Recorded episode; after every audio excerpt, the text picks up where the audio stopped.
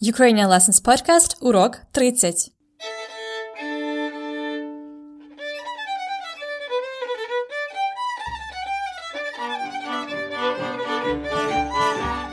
Привіт-привіт! Це Анна, вчителька української. This is an episode number 30, and it means that we are finishing one more chapter of the Ukrainian Lessons podcast. In the past 10 lessons, uh, you learned many things, especially the verbs, and using them in the present, past, and future. If you skipped one or two lessons, maybe you would like to go back? Because today's lesson is going to be a review of the previous 10 episodes. Also, remember that for some people it's sometimes not enough to take each lesson only once or even twice. So listen to the dialogues and explanations as much as possible if you need. You could also use the printed version of the lessons with some extra materials and word lists if you become our premium member. Today, I'm going to tell you a story about me. One more. I want to use as much verbs and uh, other vocabulary that uh, we have learned already as possible so that you could review those and see them in some other context. Вам подобається ця ідея? Do you like this idea? Let's start. I'm going to tell you a story about Мої подорожі минулого року. My trips, my travels last year. I'm going to mention different країни. Країна is a country. Країна. I know it might sound funny for you because it's very, very similar to Україна. Don't mix it up. First, I will be talking to you a little bit slower than usual. Don't worry if you don't catch everything from the first time. I will repeat it again. Добре? Привіт! Я хочу розповісти вам про мої подорожі минулого року, де я була і що робила. Навесні я була в Ізраїлі. Я та мій хлопець подорожували в країні на машині. Ми чудово провели час. Влітку я один місяць жила у Львові. Я багато працювала. Там я почала робити цей подкаст з української мови. Також у Львові ми з друзями були на джаз-фестивалі. Потім я та мій хлопець їздили в Словенію.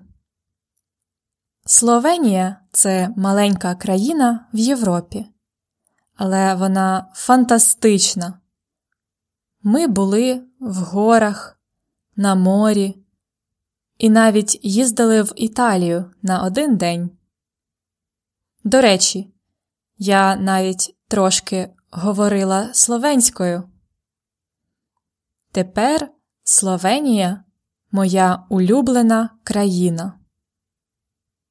Потім на вихідних ми з друзями були в Карпатах. Це було фантастично. Карпати це завжди весело. Восени я була вдома. Я не подорожувала, бо я дуже люблю осінь в Києві. Мені подобається, коли дерева жовті, помаранчеві, червоні. Я гуляла з друзями, бігала, каталася на велосипеді і багато працювала. А взимку я була у Фінляндії. На Новий рік я була у Хельсінкі. Це цікаве місто. Цього року я буду дуже багато подорожувати. Я хочу відвідати 9 країн. А ви? Я дуже хочу знати про ваші подорожі. And now listen to the same story in more natural speed. Привіт! Я хочу розповісти вам про мої подорожі минулого року, де я була і що робила. Навесні я була в Ізраїлі. Я та мій хлопець подорожували в країні на машині.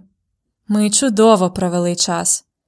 Влітку я один місяць жила у Львові, я багато працювала, там я почала робити цей подкаст з української мови. Також у Львові ми з друзями були на джаз-фестивалі. Потім я та мій хлопець їздили в Словенію. Словенія це маленька країна в Європі, але вона фантастична. Ми були в горах, на морі і навіть їздили в Італію на один день. До речі, я навіть трошки говорила словенською. Тепер Словенія моя улюблена країна. Потім, на вихідних, ми з друзями були в Карпатах. Це було фантастично. Карпати це завжди весело. Восени я була вдома. Я не подорожувала, бо я дуже люблю осінь в Києві. Мені подобається, коли дерева жовті, помаранчеві, червоні. Я гуляла з друзями, бігала, каталася на велосипеді і багато працювала. А взимку я була у Фінляндії. На Новий рік я була у Хельсінкі. Це цікаве місто. Цього року я буду дуже багато подорожувати. Я хочу відвідати 9 країн. А ви? Я дуже хочу знати про ваші подорожі. Добре, now I'm going to ask you some questions and I am going to pause and wait for you to answer them so that you could check your understanding. Добре? Питання 1. Де я була навесні? Що я робила? Please try to make a sentence with the form of you so that you are describing my experience. Де я була навесні? Що я робила?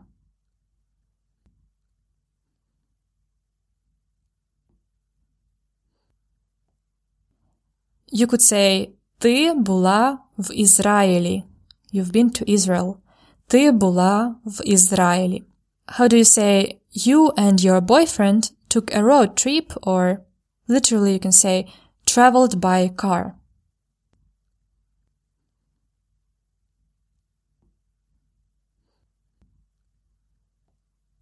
You and your boyfriend, ти і твій хлопець traveled by car. Подорожували на машині. We don't usually say in Ukraine to take a road trip or we don't have a good equivalent for this, so we just say traveled by car. Подорожували на машині. And I actually said я і мій хлопець подорожували в країні на машині. Ми чудово провели час. Remember what that means? Ми чудово провели час. We had a great time. Ми чудово провели час. Добре. Питання 2. Що я робила у Львові? Що я робила у Львові?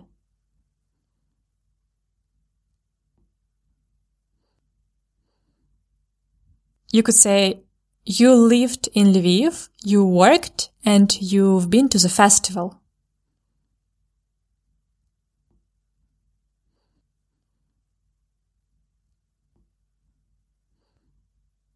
You lived in Lviv. Ти жила у Львові. You worked. Ти працювала. And you've been to the festival. І ти була на фестивалі. Ти жила у Львові. Ти працювала і була на фестивалі. Also, I said, я почала робити цей подкаст. I started to do this podcast. Я почала робити цей подкаст. Питання 3. Мені сподобалась Словенія.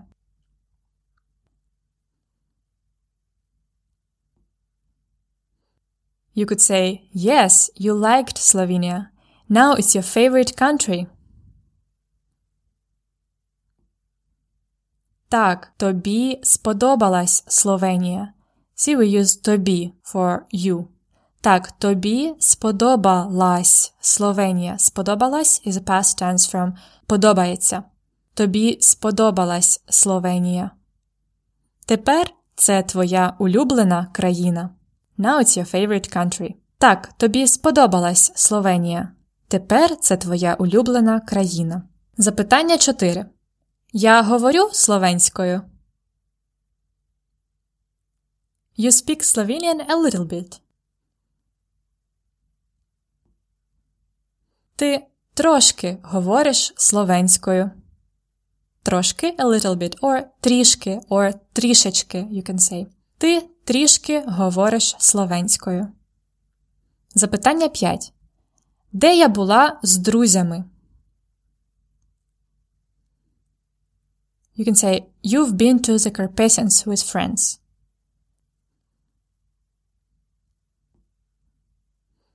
Ти була в Карпатах з друзями. And also I said, Це було фантастично. It was fantastic. I used it twice. First it was Словенія фантастична країна. Slovenia is a fantastic country. And це було фантастично. It was fantastic. Це було фантастично. Запитання 6. Де я була восени? І чому? You could say, in autumn, you've been to Kiev because you like autumn in Kiev.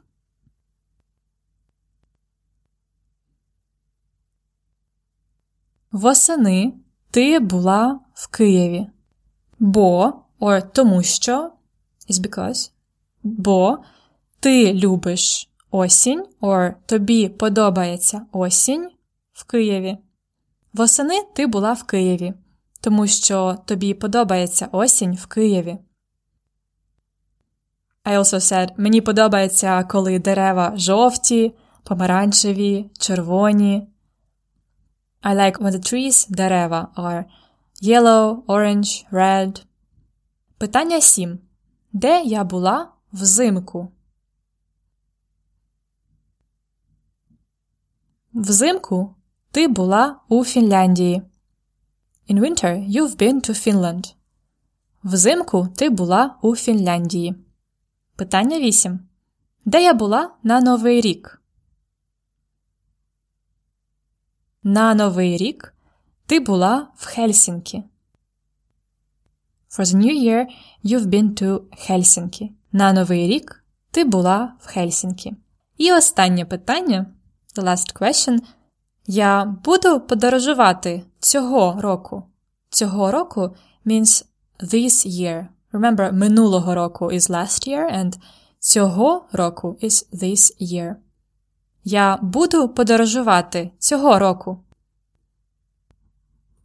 Так, я буду подорожувати цього року. Or ти будеш подорожувати цього року. І багато. Actually, I said, я хочу відвідати 9 країн цього року. Відвідати is very useful word to talk about traveling. It means to visit. Відвідати. Відвідати. Я хочу відвідати 9 країн цього року. Добре, now when we talked about my story in detail, let me tell it to you one more time. Слухайте. Привіт! Я хочу розповісти вам про мої подорожі минулого року. Де я була і що робила. Навесні я була в Ізраїлі. Я та мій хлопець подорожували в країні на машині. Ми чудово провели час. Влітку я один місяць жила у Львові. Я багато працювала, там я почала робити цей подкаст з української мови. Також у Львові ми з друзями були на джаз-фестивалі. Потім я та мій хлопець їздили в Словенію. Словенія це маленька країна в Європі, але вона фантастична. Ми були в горах, на морі і навіть їздили в Італію на один день. До речі, я навіть трошки говорила словенською. Тепер Словенія це моя улюблена країна. Потім, на вихідних, ми з друзями були в Карпатах. Це було фантастично. Карпати це завжди весело. Восени я була вдома. Я не подорожувала, бо я дуже люблю осінь в Києві. Мені подобається, коли дерева жовті, помаранчеві, червоні. Я гуляла з друзями, бігала, каталася на велосипеді і багато працювала. А взимку я була у Фінляндії. На Новий рік я була у Хельсінкі. Це цікаве місто. Цього року я буду дуже багато подорожувати. Я хочу відвідати 9 країн. А ви? Я дуже хочу знати про ваші подорожі.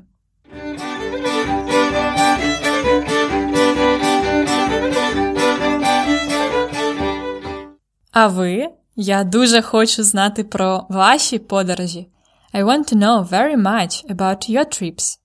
Don't forget to practice, because it makes it perfect. You can go ahead and tell your Ukrainian friends or maybe your Ukrainian хлопець чи дівчина about your past and your favorite trips, or just about your dreams for the future traveling. Now you know how to talk about this in Ukrainian using the necessary tenses. You could also practice your writing skills and compose a short story about your traveling experience and expectations for future. This will be a story about you with the vocabulary and names of the countries that are special to you Prepare it and post it in the comments at ukrainianlessons.com slash episode 30. Include your email in the message, and if you are not our premium member, I will give you a reward for your work, the lesson notes of the episode for free. And the lesson notes of this lesson include the full transcription and translation of my story, some extra explanations, vocabulary list, and some extra words that are useful to describe your travels. Also, there is a test there. It's uh, three exercises based on the lessons 21, 30 that you could do to check your progress at this point of the course. If you want to get these lesson notes for all the episodes, learn how to become our premium member at ukrainianlessons.com slash episode 30.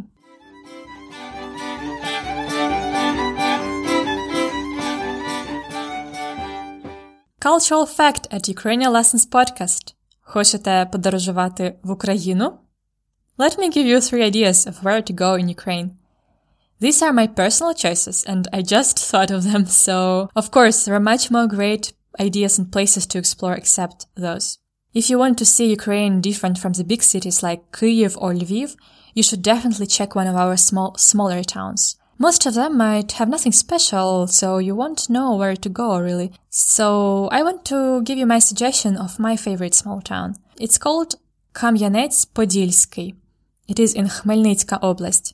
It has a beautiful fortezza, for fortress from the Cossacks times, and the center of it is very neat too. Another place in the whole region is Zakarpattia, Transcarpathians. It's a great area behind the Carpathians, close to the border with Hungary and Slovakia. The city of Uzhhorod is very pretty in spring. And if you go by train or bus to the mountains, you can stop at any village and go hiking, experience the authentic villages and great multicultural food. And the last destination I'm going to mention is probably the first one you visit. Of course, it's Kyiv, моє улюблене місто і столиця України, the capital of Ukraine. If you haven't already, you could learn much more about Kyiv in the lesson 20 of the podcast. Ласкаво просимо до України. Welcome to Ukraine.